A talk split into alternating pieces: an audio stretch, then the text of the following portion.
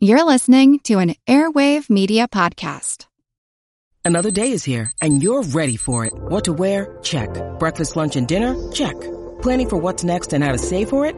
That's where Bank of America can help. For your financial to dos, Bank of America has experts ready to help get you closer to your goals. Get started at one of our local financial centers or 24-7 in our mobile banking app. Find a location near you at bankofamerica.com slash talk to us. What would you like the power to do? Mobile banking requires downloading the app and is only available for select devices. Message and data rates may apply. Bank of America and a member FDIC. When you need mealtime inspiration, it's worth shopping Kroger, where you'll find over 30,000 mouth-watering choices that excite your inner foodie. And no matter what tasty choice you make, you'll enjoy our everyday low prices, plus extra ways to save, like digital coupons worth over $600 each week. You can also save up to $1 off per gallon at the pump with fuel points. More savings and more inspiring flavors make shopping Kroger worth it every time. Kroger, fresh for everyone. Fuel restrictions apply. This is Kick Ass Politics. I'm Ben Mathis. Hi, folks. Before we start the show, I want to ask for your help. If you enjoy Kick Ass Politics, I hope you'll help us reach our goal of raising our full production budget for 2016 by donating on our website at kickasspolitics.com or at gofundme.com backslash kickasspolitics. Thanks for listening, and now enjoy the show.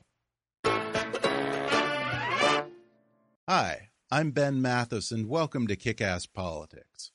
On October 29th of last year, China's Communist Party made a shocking announcement that they were abandoning the Orwellian one child policy that's become a disturbing institution in China for the past three and a half decades. One Child began in 1980 as a misguided effort to curb China's population and poverty problem by restricting families to one child per couple. If you wanted to have a second child, you could, but it would cost you.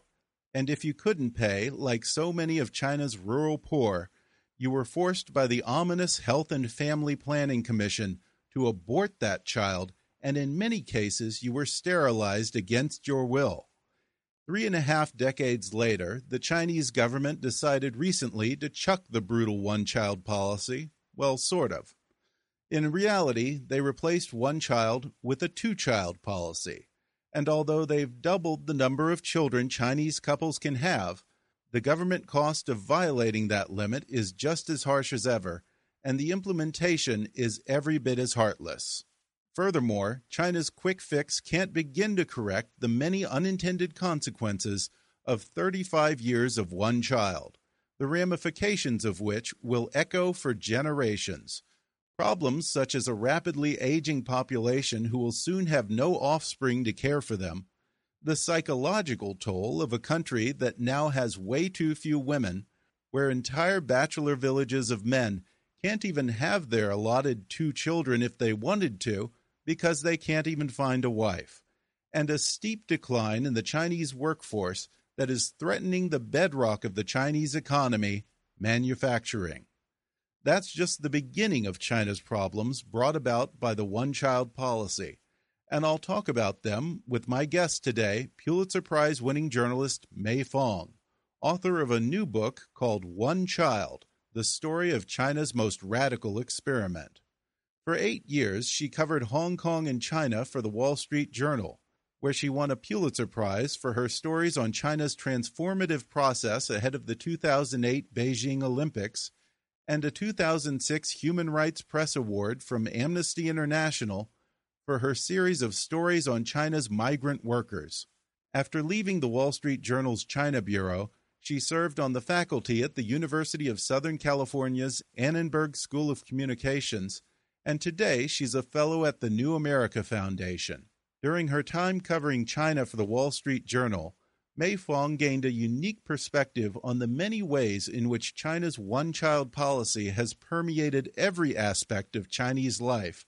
And today, she'll talk about how the one child policy came about, what happened to the families who violated it, and the unforeseen social, economic, and emotional impact when big government bureaucracy attempts to socially engineer families.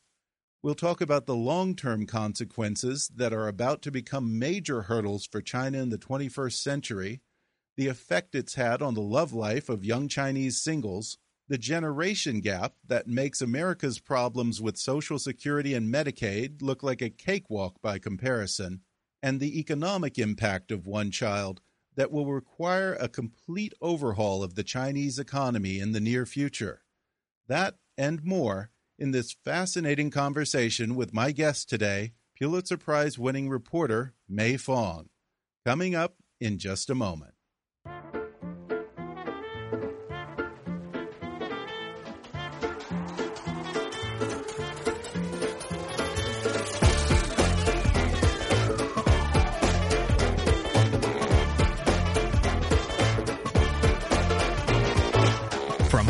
To Washington, it's time for Kick Ass Politics. And now here's your host, Ben Mathis.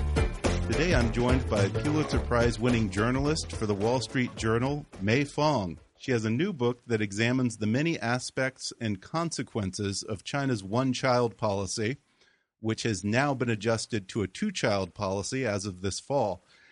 The book is called One Child The Story of China's Most Radical Experiment Mei Fong, thank you for coming on the show. Well, thanks for having me. Well, before we talk about the book, uh, you gave me a little bit of a hard time last night on Twitter.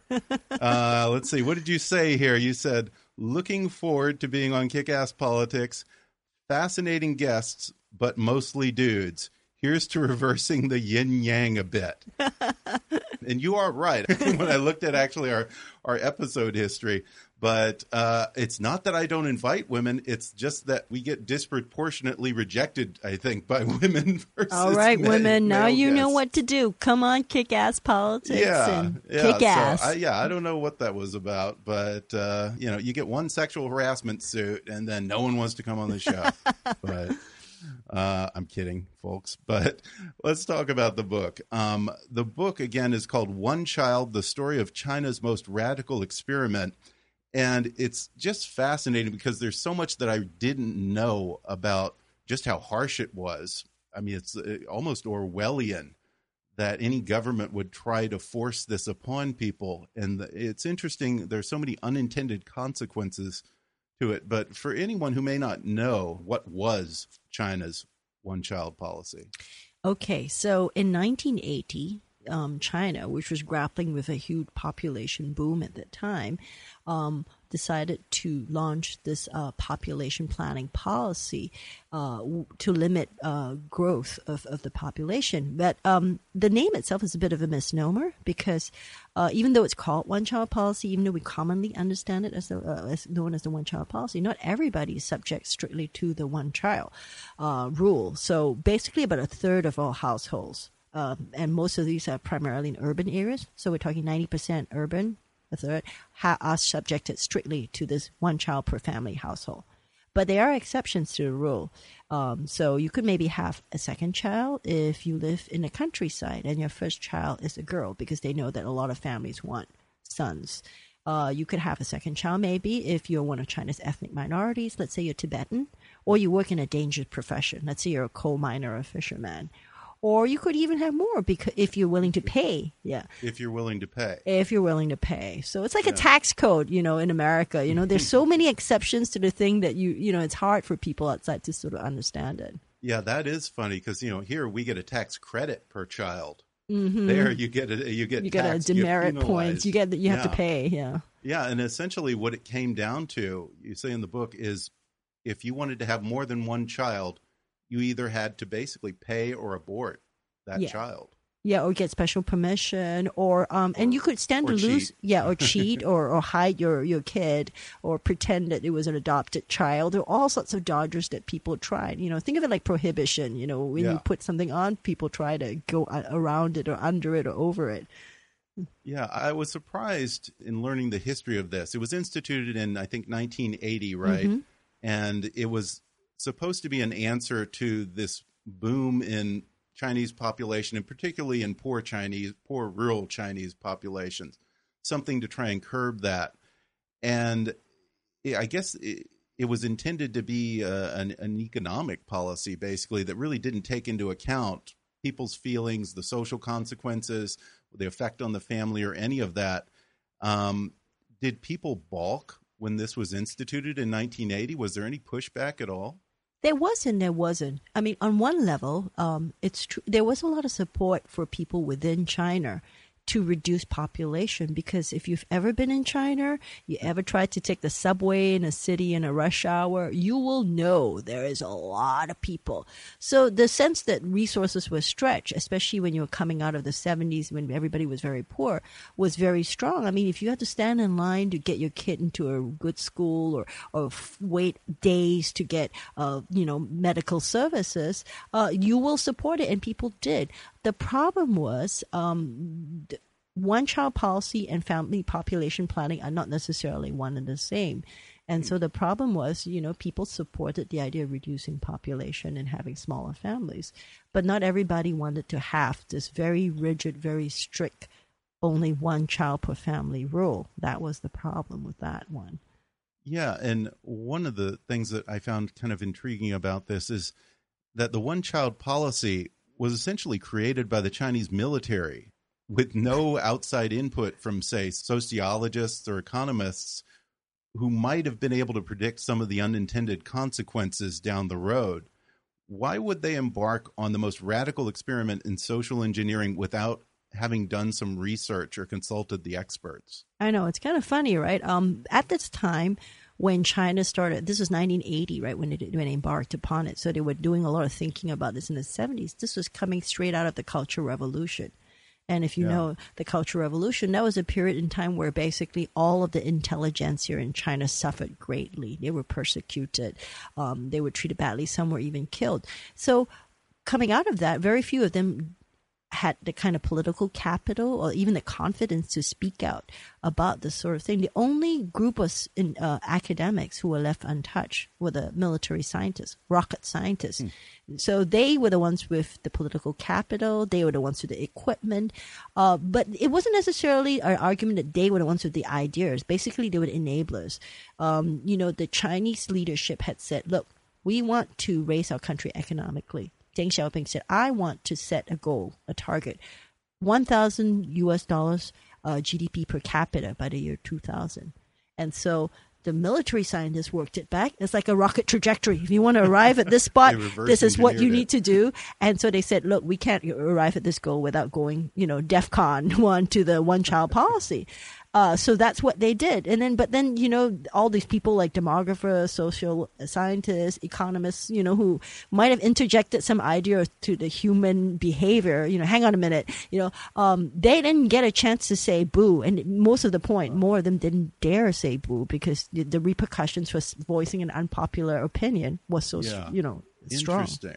Okay, yeah. so so there was a lot of politics to it. Yes, I mean the intellectuals and the economists and sociologists probably were not that welcome, perhaps, to you know have a voice in this. Well, yeah, and also and demography as a science was still very undeveloped um, in China. They didn't okay. even have a proper census count at that point. They didn't know really? how many people were in China yeah, at the point when they decided to curb it. yeah. Well, yeah, and the idea again was that they wanted to reduce the population in the poor rural areas. I think right. So they intended it as a roundabout way to reduce poverty and boost the Chinese economy.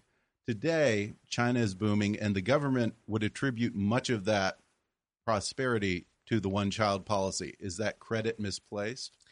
I think so. I mean, I one of the things I did in the book was, you know, look at. I mean, I, I worked at the Wall Street Journal. I write economic stories, so I wasn't looking at it as an ideological point of view. I was just looking at it. You know, was it a good idea economically? I talked to a lot of economists about that, and many of them said basically, no. If you look at it as a strict GDP double digit rise, you know, people tend to equate China's, you know, growth and the one child policy is having the same because they happen at the same time. China opened up for the reform. China launched the one child policy. It all happened thirty something years ago. Therefore, people assume it one had something to do with the other.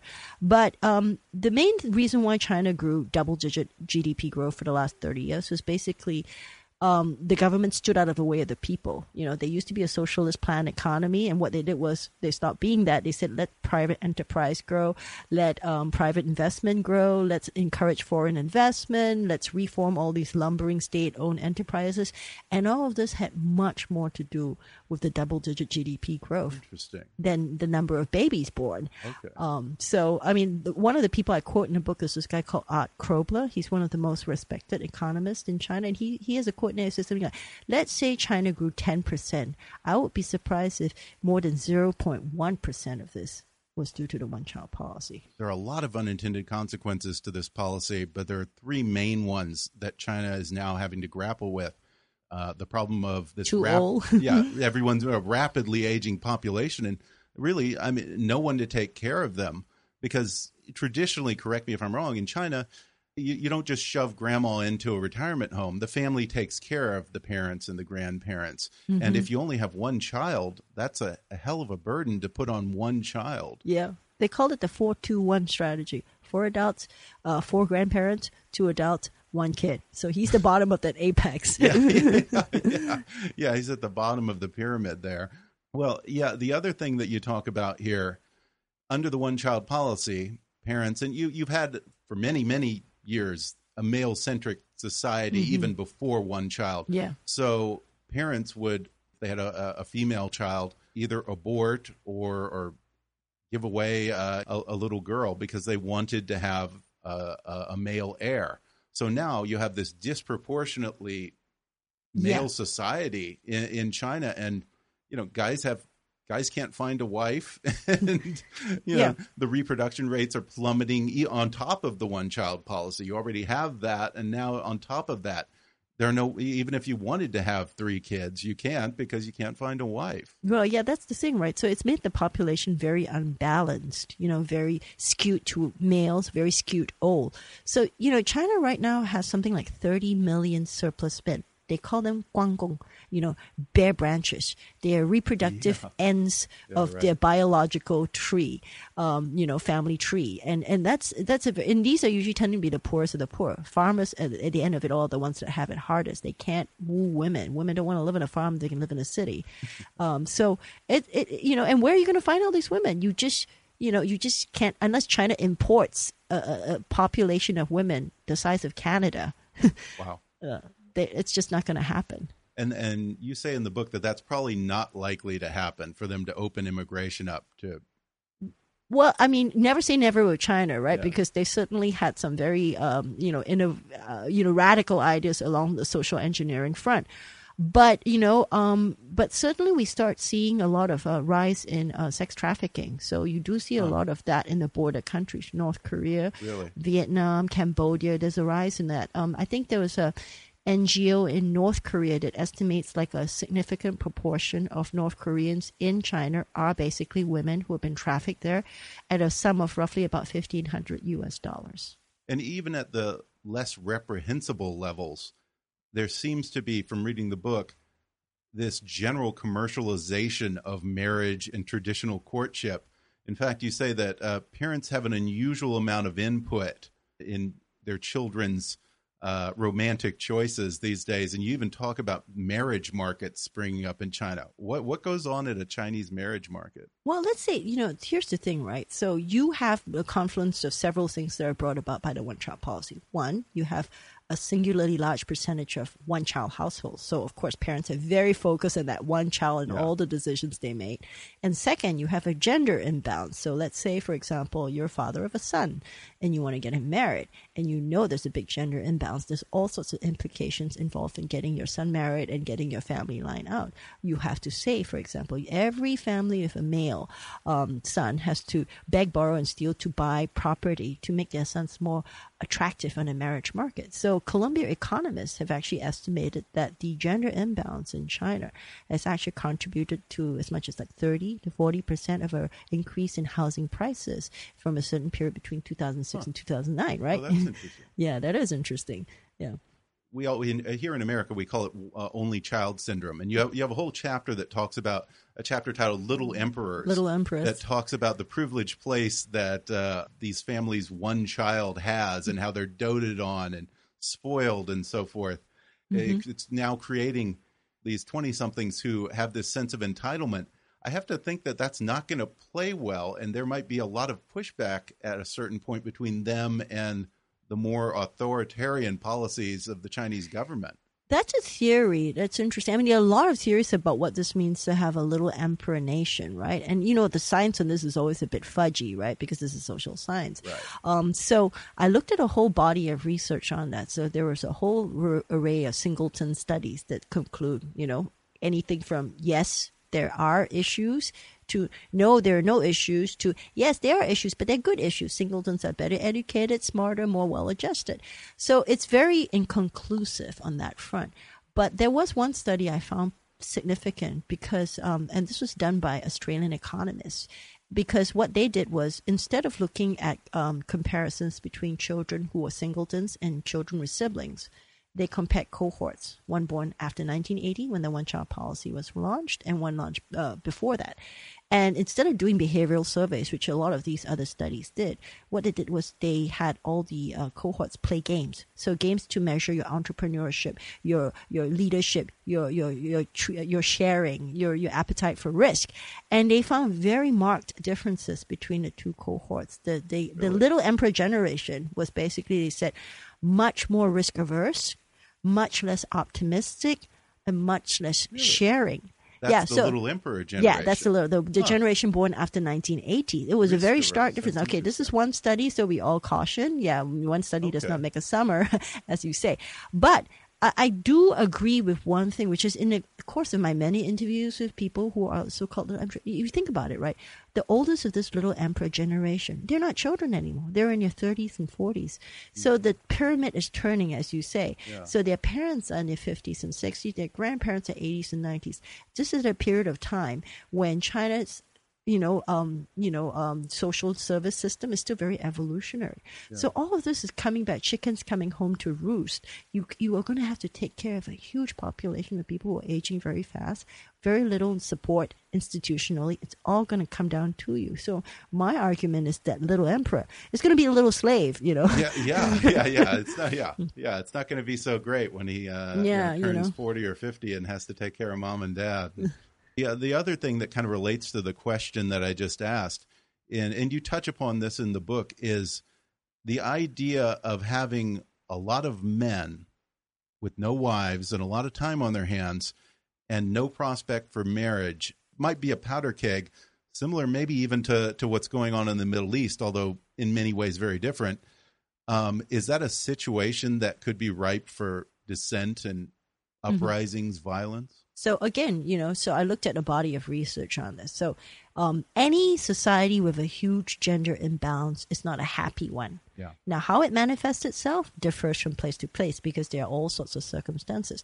There are theories of sociologists have argued that of a more male China equals a more warlike China. That China is That going to be much sense. more muscular and foreign.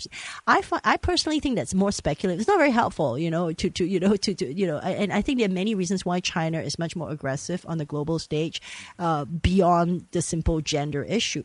However, I do find the evidence that links gender imbalance with crime to be much more uh, convincing. So uh, there have been economists who do the studies and they compare provinces where they have a huge gender imbalance with uh, provinces which have fewer, and they do find there's a significant correlation that every place that has a gender imbalance, there's I think a a, a, rise, a corresponding rise in crime. What yeah. kind of crime are we talking we're talking crime against women violence crime against women. crime, sexual- I mean, no, of course, and bear in mind, that? relatively speaking, China, relative to some other places, the crime rates are very low, and this is partly because Right. this is a police state. You Yeah. really hurt, you know. There's not a lot of appeals or law courts or things. If you get caught, you're in jail, and that's that. Um, but um, so I've, I, you know, relatively speaking, I've, I've traveled Middle East, I've traveled India, I've traveled in China, and I've felt relatively safe in China. You know, and one of the things I talk about in my book is when I go to a bachelor village where there are very few women of marriageable age. And before I'd gone there, I was kind of nervous. I was like, what is a bachelor village like? Is it full of lonely, horny men lurking around? Do I have to be proactively a little bit, you know, safe and careful? Um, you know, and um, but I found that um, in general, a, a bachelor village in China is like any other village in China, which is to say, it's mostly filled with old people and children.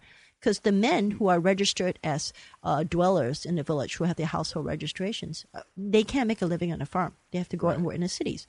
But unlike the women, they come back because they stand to inherit the farms.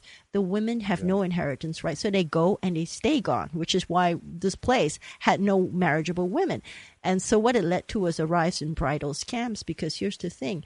In order to get married, every family now has to pay a bride price. And because of the scarcity of women, that bride price has shot up like 10 years worth of farm income. So if you Yeah, got a son, you got to borrow money to, to get him married off. And I remember, um, I, th- and this place had led to a scam. There were a whole series of runaway brides. And I thought, wow, this is like a movie, right? All these women is a movie. scampering away. And, um, and I thought, you know, and I interviewed this um, man, uh, this father, whose son was one of the rejected bridegrooms, and he had another son waiting in the wings. And he said, I don't know what to do. I borrowed all this money to get my son married off, and now his bride is gone, and I got a second son. Uh, I, I don't even know where I'm going to borrow the money from. I wish I had daughters. And there was a part of me because you know, here's the thing: I am a one of five girls in a Chinese family, a very Oh, traditional wow. Chinese family. Now you and did that is- not grow up in China. I though, didn't. We're what we call weren't overseas Chinese. Yeah, we're what we call overseas Chinese. I'm a second, uh, third generation of uh, Chinese. I grew up in Malaysia, but we cling to the old ways, in some Yeah. ways more so because we never had the cultural revolution. I think to eradicate Right, these things. yeah. So I'm the fifth daughter. My father is the 16th son in a family that really cares about sons. So to to to be a daughter is, is a huge disaster. you know, it's like Downton Abbey. You know, okay, oh, you know, nobody can inherit the the the the, the mansion. You know, you need a, a third, a distant cousin. The women don't count. That was what it was. Yeah, and I wonder, as young women, does that do something to your sense of self worth when your your, your own family says, you. "Well, I wish I had a son." Well, it made me much more aggressive. I think Oh, I was really? like, I'll show them. You know, I will show them. Yeah. well, yeah, and in the book you talk about an interesting aspect of that because there's a there was I think a saying or a policy in China of raise a daughter Like a as son, like yeah. a son, and it's led to all of these uh, young women in in urban environments who are socially mobile. They're working Very well and they're educated. yeah they're they're earning an income, and you have very few women to begin with in China, and then the women that you do have. You know, they don't want to get married. They've got a great deal. Well, that, for urban women, so the quali- urban women, qualification, yes. yeah. So women born, so you, if you're a girl, you're a female born in the city after 1980, your chances of getting better fed, better educated, best time in any modern Chinese history. That's true, and that's partly because of the one-child policy.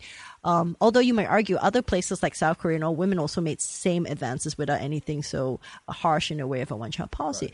But the argument now again is what, what we're seeing, and a lot of feminists argue, is there's a backlash uh, now because of this demographic pressures. You know, part of the reason the one child policy was promulgated because the government was very unashamed. We want to reduce quantity to increase quality. We want smart, educated people. And the target group for smart, educated people is smart, educated mothers. You know, we want university educated women to have more children. So now they switched to a two child policy because they need more smart workers. They want to encourage people to get married and have children. They want particularly educated women. But women at the same time are doing the other thing, right? They want to re- delay marriage, go to college, grad school, same thing as you see in any other part of the world. And what was resulted in in China, there's a labeling now. You are considered a leftover woman on the shelf, you know, like the remains of a doggy bag. wow. If you are not married starting from the age of 25. Wow. 25. And you know, here's the thing Yeah. bear in mind the legal age for marriage in China for women is 20. Oh, that's right. So Yeah. you go from, you know, you go to game over in just five years. I mean, that's really short. yeah, yeah. That's no, not much time to, to you know sow your wild oats and have fun. I guess. No, not it's at a all. very small window. Well, we're going to take a quick break, and then I'll be back to talk more with Pulitzer Prize-winning journalist Mei Fong. Back in just a moment.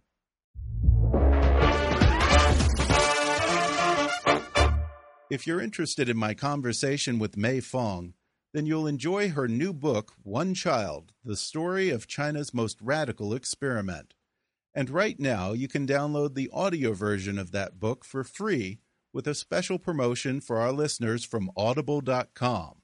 Just go to audibletrial.com backslash kickasspolitics for a free 30-day trial and a free audiobook download, which can be One Child by my guest today, Mei Fong, or any of Audible's 180,000 titles. That's audibletrial.com backslash kickasspolitics. Or click on the sponsor link on our webpage to download the free audiobook of your choice. And now, back to the show. We're back, and today I'm talking with Pulitzer Prize winning journalist Mei Fong about her new book, One Child The Story of China's Most Radical Experiment. Well, Mei Fong, on top of one child policy, you also now have rising infertility in China. Yeah. So here's the thing, right? You can't turn it on and turn it off. People, uh, the authority is discovering. You know, so Yeah. rising infertility is a factor of modern society, right? Um, women put off childbirth. They go to school. They stay in school longer. They start families later. So that's one reason why. But there's another reason that um, the Chinese are exploring in a way, which is the link to pollution. Oh, interesting. Yeah, so um, Okay. they, they, they, it's not the evidence is not conclusive so far, but they've launched all these major large scale um, studies that um, are trying to examine because th- there are significant uh, fertility drops. So they're they're wondering is it due to the air, is it due to the water, is it affecting women more, is it affecting men more? So we don't know the answer to that. But again, you know, we made all these references to Orwell and Huxley. Actually, one story which is very significant is this one called Margaret Atwood's story. It's called The Handmaid's Tale. Oh, yeah, I remember And it sets a yeah, it sets a future where a whole population is infertile because of pollution, and because of that, women become scarce commodities. Fertile women become scarce commodities, tradable objects. And you kind of see that in China a little bit. There's a rise in uh, mistress culture again, concubine culture. And so you might argue, okay, if you have an imbalanced population, women are fewer men- women and men. Theoretically, they should have the upper hand. But my argument is because China is still a patriarchal society, I do not see the, the, the shortage of women as giving them the upper hand. In fact, I suspect it's going to re- re- re- result in the commoditization of women.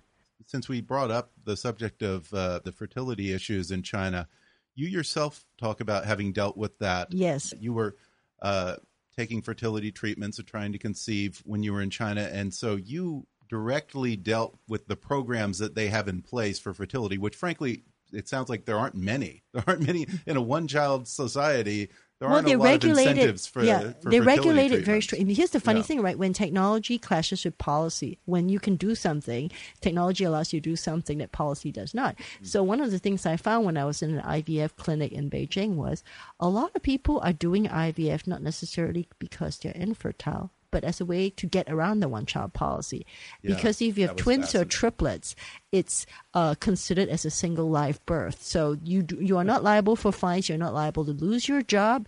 So you know it almost becomes a sort of buy one get one free kind of a thing. Uh, eight Uh, that children. almost seems a little dangerous to me to, to be monkeying around with to that degree with something like that. Well, the other What do I know? Yeah, the other thing that's actually affecting California is that now you have a significant rise in the number of high net worth individuals from China coming here Right. to explore all these third party reproductive technologies in California because the one child policy so regulates so many of these things. Uh, so surrogacy, for example, is illegal in China or in a gray area. So they come here instead. a couple episodes ago, we've twice this has come up uh, the advances in genomics, issues of you know designer babies and that type of thing. You talk a little bit about that Yes. Mm-hmm. in here about this one child mentality. Yeah, to because a, to make a perfect child. So again, here's this interplay. When science makes something available, what will happen then? So we are at progressing along that point where we get more choices. So now you can screen for uh, gender, you can screen for disease, and in some cases you can also do a kind of a rough pre-selection in terms of intelligence. For example, if you get a, a egg donor, and there, there, are Chinese who are here who have driven up the price of Asian egg donors, and they they also set demands because they, they are the biggest buyer. So they say we want smart, we want tall, we want double eyelid folds, you know, stuff like that. So, um, so these are very rough markers, obviously, and but you know, if you go down the line, this is speculation. What happens when more options become available? And my argument is the Chinese are going to be at the forefront of this because the one-child policy for the last thirty years has already predisposed them to pre-select and make hard choices in the in the in the business of parenting and choosing children and building families. So it gets to a point where you become almost like you say too rational Yeah. in your desire or de- you know your family decision making and um, and this is a difficult thing because um, part of the reason why we want to have children is, is, is a very emotional, emotive issue too. So, you know, so uh, one of the arguments I have is that, you know, what happens now? The Chinese government is trying to persuade people to have more children, um, have more. And and when you and a lot of people are saying no, it's too expensive. We're not going to do this. Um, the one child uh, policy has become almost a victim of his own success. It's it's it's created this mindset. Yeah. you know one of the big problems is you know you have this economy that's built on manufacturing and having this huge workforce in the long term it looks like that workforce is going to be dwindling and you know Oh, it's already happened. yeah is there going to be an adjustment to a different type of economy from Yes. manufacturing or Yeah, what? China is, you know, the, the, in the early stages of its growth, it did what we call the low hanging fruit, right? Um, Mm-hmm. Manufacturing, cheap labor. Uh, it's a transition. A lot of uh, countries like Hong Kong, Japan, they did that initially too. We used to see a lot of dolls that had the words "made in Japan," and you know, and now Japan doesn't make dolls, you know. Uh, but here's the thing: so they want to transition into a, a sort of a consumer-based economy, more like what the U.S. is. You know, less of an export-based economy, making cheap shit for other people. Excuse my language there, but um, they want to transition into that. But the problem is, um, you're going to have a consumer-based force that is um, significantly old. You know, a significant. You know, the the Ch- retiree population in China by 2050, one in four Chinese will be a retiree, and that's not typically the demographic you associate with buying a lot of stuff. China, Right. we talk about now, world's largest cell phone market, world's largest car market, PC market. Yeah. Well, old people don't buy the latest cell phones every year. yeah You know, they might buy Grandma adult doesn't do a lot of diapers. impulse buying does she Yeah, Yeah. no. So so that will be difficult. I'm not saying it's impossible, and the China market is certainly huge. You know, so even a small percentage of young people is is, is big. It matters a lot. But that said, you know, you're going to have a significant population of elderly, and that's not going to be helpful at all for that transition. No. Yeah, a friend of mine who does a lot of business in China mentioned to me a while back. I want to ask you about this because it, I guess it's a another one of the uh, results of this little emperor mentality is throughout the past 30 years when you've had the one child policy you had one child and there was a focus on for lack of a better phrase quality over quantity so you know you would have people who were blue collar working class families uh, working in manufacturing jobs and they would had one kid so they put all the resources toward educating him and giving him everything that he needed and then once he gets out of college i mean that kid doesn't want to go take a manufacturing job Of course not. the next generation that is there, they're not going to want to take over for dad. No, not in that field. So that's a problem. So the problem is China's transitioning in that phase. So a, lot of the jobs that are available to be had are still in the manufacturing sector. Meantime, they're pumping out a lot of um, university graduates who can't find jobs. Who, in fact, their first job or second job, they probably make less than a, a factory hand uh, because the, the economy hasn't transitioned to that. They haven't tran uh, grown the services industry sufficiently. So there is a so this uh, little emperor generation. So the other thing we have is a huge amount of dissatisfaction as well because of that. Well, I want to talk about some of the personal stories in this book you bring up. Um, you talk a lot about two significant events in China in 2008 that seemingly had nothing to do with each other and seemingly have nothing to do with one child the earthquake in the Sichuan province and the Beijing Olympics. What did these two events tell you about the impact of one child? What did you learn from that about this policy?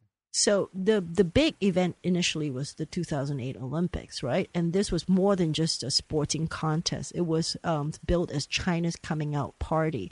It was seen as a way for China to demonstrate that it had, you know, come onto a, as a major global superpower. It had gone from being defeated in the Opium War and you know the Cultural Revolution to you know uh, Phoenix from the ashes. This was this was the big thing, and it was a major marketing economic exercise. You know, think of all those billions of people that Adidas and and and Nike wanted to tap. You know, the billion strong consumer market. So it was all that as well, but it was also the representative of the China's it was a justification for China's models of growth at all costs. This is what happens. We put this all in it and here is the result. We are one glowing shining city on the horizon.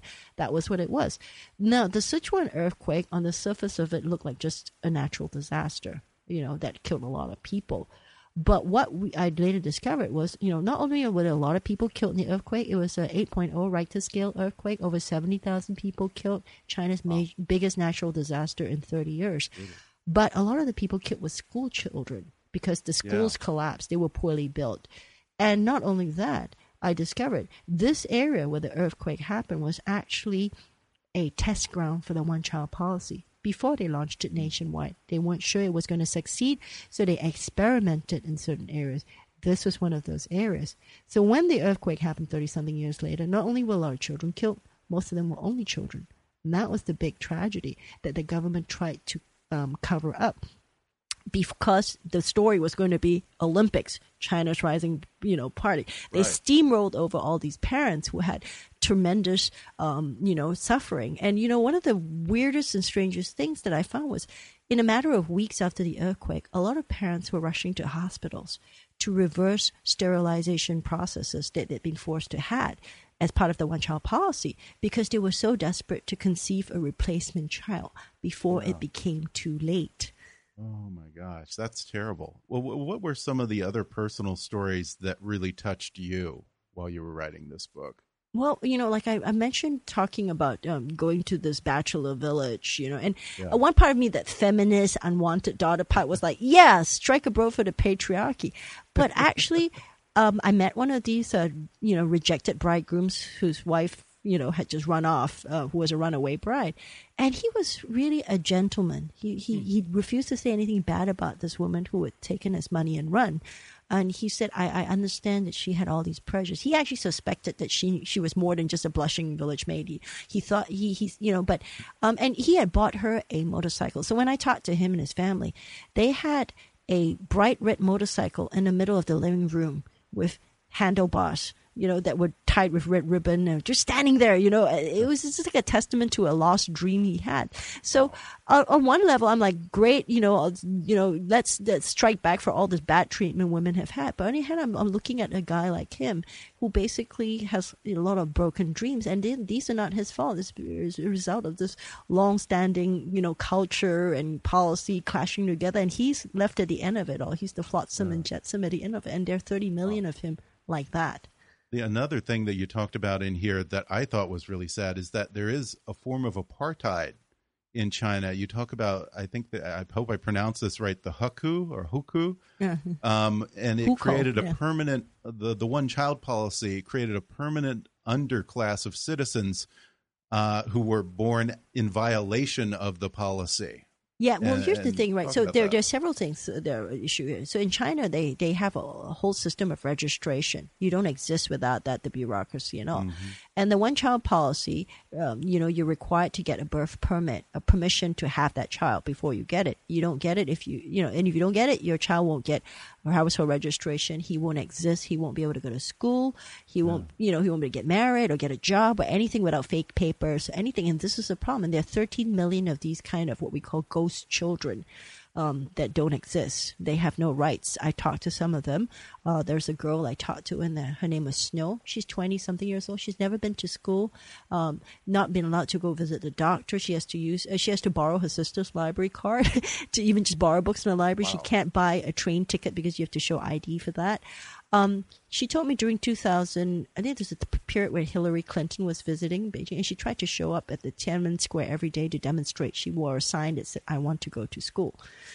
Wow. Yeah. God. So there's just thousands or millions of people like this who were born outside the system yeah, it's not their fault. Exist. But they, they, they, they, they, they, and for someone like her, it's too late. She's missed schooling. You know, she, yeah. she, she, she's everything she is is locked in now. She can't, you know, she's never going to be a yeah. doctor or, uh, or aeronautical engineer or something because she's missed all these opportunities. And the family, and in many cases, it's because the family didn't couldn't afford to pay couldn't the fine afford, yeah, for a second afford. child. They Can they pay off that fine? Well, the problem is it's very arbitrary. So you know, it's judged in a system of, mul- of multiple of your household income between two to ten times typically.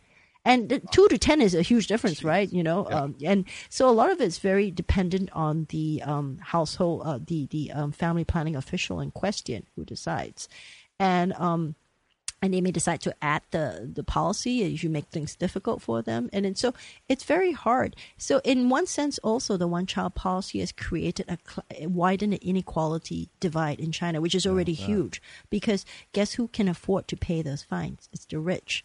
Guess who is not going to be taken away for a forced abortion? It's the rich. So you know that whole saying where you say the rich get richer and the poor yeah. get children? Well in china the rich get richer and children. Yeah Well, it, what happened if you were, say, a single mother? Say you had an affair and you don't have a husband and had a baby out of wedlock. What happens there? It would be very hard for you to get that child registered because you don't have a birth certificate. You can't get a birth permit. You don't get a birth permit, your child doesn't get uh, his household registration. He wow. doesn't exist. Yeah. So the the phenomena of the single mother is, is very rare in China. Really? Hardly ever happens. You can't. Really? You know. So China's system is still very structured to, even though it's abbreviated, smaller families it's still a man, a woman, and a child. That's how they, they structure it. So there are very few variations on that theme. So, yeah. could a single woman have had a child legally in China under um, one child? If she pays, if she pays. if she's rich, if she has, but she's influence. not even supposed to have one child if if she's a single mother. It's very difficult, you know. Uh, aside from the social stigma, it's just the sheer weight of bureaucracy yeah. to get through that. Well, in their infinite wisdom, the Chinese government's uh, brilliant solution to this was to go from a one child policy to a two child policy. Isn't that just doubling down on the same social engineering, just tweaking it a little? Yeah. So, um, you know, China, as we know, we I talked about all this too male, uh, too old, too rich, is headed for a sort of a demographic, um, you know, iceberg, if yeah. you might call it that. So the only way to sort of avert it is to drop this policy. And uh, demographers and economists and sociologists have been arguing this for years, for the last decade at least. They've been providing all this data that shows that it's a huge disaster. They got to stop it now. But you know, it's, it's been small steps. So um, in, a two-child policy is still it's a bigger playpen, but it's still a playpen. Yeah. Um, and it, chances are it's not going to make a significant difference because they have every loosening they've had to allow more of that target demographic of urban people, urban smart people to have more children, have not resulted in baby booms at all. Uh, there are fewer takers. So it looks like this one is probably not going to uh, you know, so so one, you this assumption that you could have more children, that people will. Then a lot of people are saying no, we're not. And two, even if they did have all these children, it takes twenty five years to grow. You know, twenty years to right. grow a worker. so these things that we see, these patterns, are set yeah. already for the next 20 years. There's no change. These bachelors are not going to get wives. They're not, you know, women don't spring up overnight into wives. Right. Yeah, it's just not going to happen. So there will be uh, quite a bit of unhappiness, I think. Yeah, and you also talk about how um, the one child policy, by at this point, even if they could have as many children as they want, many of them don't want to because this policy has infected the culture. Well, you, you can't spend 35 years on relentless propaganda telling everybody that one child is the best, the most, without having some of it stick. Anybody who thinks propaganda doesn't work doesn't believe in a billion dollar advertising industry at all, you know? Is there any solution at this point? I mean, um, certainly not a short term fix like they like they had the first time around or thought they had. Yeah. Well, here's the thing. I don't know because, you know, if you look at past history or, or, recent history, you look at all the other countries around, other countries have also tried to turn on the baby tap. It is a developed world uh, problem, you know. Um, they ha- most countries have not found a solution to that. You can't yeah. coerce women into having children as easily as you can coerce women into not having children. Uh, you need the carrot, not the stick. And carrots are expensive. You know, you need huge um, subsidies for childcare, schooling, education, all these things. And um, does China have the money for it? it, it the, the problem is it's arrived at this developed world problem without having quite arrived at the developed world economic status yet. China's uh, economy is what a sixth of North uh, South Korea's, you know, a, a, tenth almost of, of, of, America's. It's expensive, and don't forget, while you have to spend on all this, are you going to spend on this, or are you going to spend on taking care of that that um, you know retiree population that's bigger than all of Europe? You know, it's a lot of calls in the purse. Yeah, yeah, that's a lot for them to handle. Well, you know, I'll wrap up now, but I just want to ask you a question that always it's been on my mind, and it's really largely unrelated to this, but you do touch upon it in the book. I've just always been curious. In China, you have a secular society that does not or has not allowed religion, yet you have all this culture of luck. More than any other culture that I have ever encountered in my life, this obsession with luck and omens and Prosperity. numerology. Yeah, prosperity, numerology, lucky colors, lucky addresses. You know, if you own a house, you have a hard time selling a house that's built on a T. Or to- half a to four Chinese number. or half a what? Number four. Yeah, oh, yeah. Is number four unlucky? Four, yeah, the four, the word sounds like death. So, um, Oh. but number But eight, eight sell is really good. lucky. Yeah, In fact, good. you were born on a lucky year, right? I yeah, I was born in on. August 8th, so that's considered very lucky. Yeah. So where does that come from? I've always wondered that. Well, I think part of it is based in fact. So, okay, so the the the, the system of religious beliefs in China is a combination of um, Taoism, Buddhism. It's a mix. So there's no strong Judeo-Christian tradition there Right. at all, and a lot of it's based on the principle of rebirth. Um, so you you will you know you don't get into a system of eternal rest. You know you know you die and then you go. So you do believe that there's rebirth, there's an afterlife, and the afterlife they believe in is very similar to this life. There's bureaucracy, Okay. there's halls, and there's also money. You can take it with you. So you can see in this premise why luck is so important. Also, you know, um, you know, for a long time, especially China in the last thirty years, has been likened to America at the turn of the century. The Horatio Alger, you can, Uh-huh. Yeah. you know, pull yourself up by the bootstraps. you can go up. Really? You, you know, that, that we're not beholden by a system of class to Yeah. that degree. We can go up and up and up and higher and higher and higher. Okay. So, so And- the luck plays into that sense of upward mobility. yes, um, the need for prosperity. You know, uh, we are very numeric. We are very interested in money. Uh, I don't, and I'm not stereotyping this, but the, the part of it's built into the system. From the time you are born to the time you die, money is exchanged. You know, so so we, Okay. we think about it. Okay, so yeah. Well, and unless say So the you- unlike say I'm the Western that culture. anyone thinks about money more than Americans. But well, hey, look, uh, compare Western culture, for example. Yeah. The first time a child uh, has any kind of an introduction to money is in a belief that some strange mythical being is going to leave some money under his pillow for his molars. How is that realistic? yeah, that's true. Well, that's interesting because I always wondered about that. Well, your book is called One Child: The Story of China's Most Radical Experiment. Mei Fong, thanks so much for coming on the podcast. Thank you for having me. It was fun. Thanks again to Mei Fong for coming on the show. And if you enjoyed today's podcast, I'd encourage you to read her new book, One Child The Story of China's Most Radical Experiment. I'll include an Amazon link where you can order it in the show notes for this episode and on our website at kickasspolitics.com. Or if you'd prefer to listen to the audio version, you can download that for free through a special trial offer just for our listeners at audibletrial.com backslash kickasspolitics. You can follow Mei Fong at meifong.com, that's spelled M E I F O N G, or you can follow her on Twitter at, at MeiFongWriter. Be sure to subscribe to Kickass Politics on iTunes and leave us a review. And if you really want to help out, then donate to our GoFundMe campaign at gofundme.com backslash kickasspolitics. Or click on the donate button on our website at kickasspolitics.com. Follow us on Twitter at, at KAPolitics or visit Kickass Politics on Facebook. And while you're there, recommend Kickass Politics to your friends on your social media. As always, I welcome your comments, questions, and suggestions at comments at kickasspolitics.com. In the next episode, we're taking a break from politics. In case you haven't noticed, I'm doing more episodes on general interest topics such as science, entertainment, business, etc. And from time to time, I'm going to have people on just because they have a unique perspective on something that interests me or I admire them, or just because maybe I think it would be fun to have comedy legend Carl Reiner on the show. So I'm gonna. On the next episode, Carl Reiner will talk about the early days of television and his start in show business as a writer and co star of Sid Caesar's Your Show of Shows. He'll also talk about how the antics of himself and his fellow writers Mel Brooks and Neil Simon on The Sid Caesar Show inspired him to create the beloved Dick Van Dyke Show. We'll talk about his scary brush with McCarthyism and how he avoided naming names. We'll discuss writing and directing with the young Steve Martin on such comedy classics as The Jerk, The Man with Two Brains, and All of Me.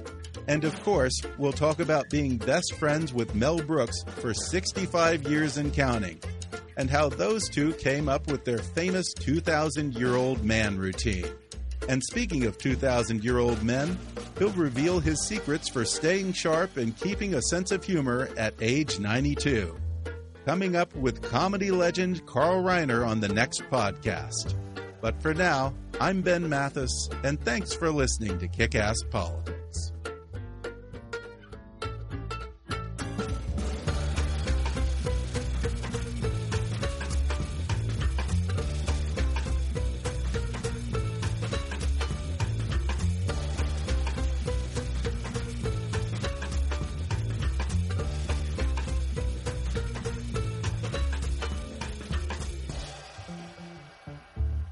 Politics is a trademark of Mathis Entertainment, Inc. Okay, so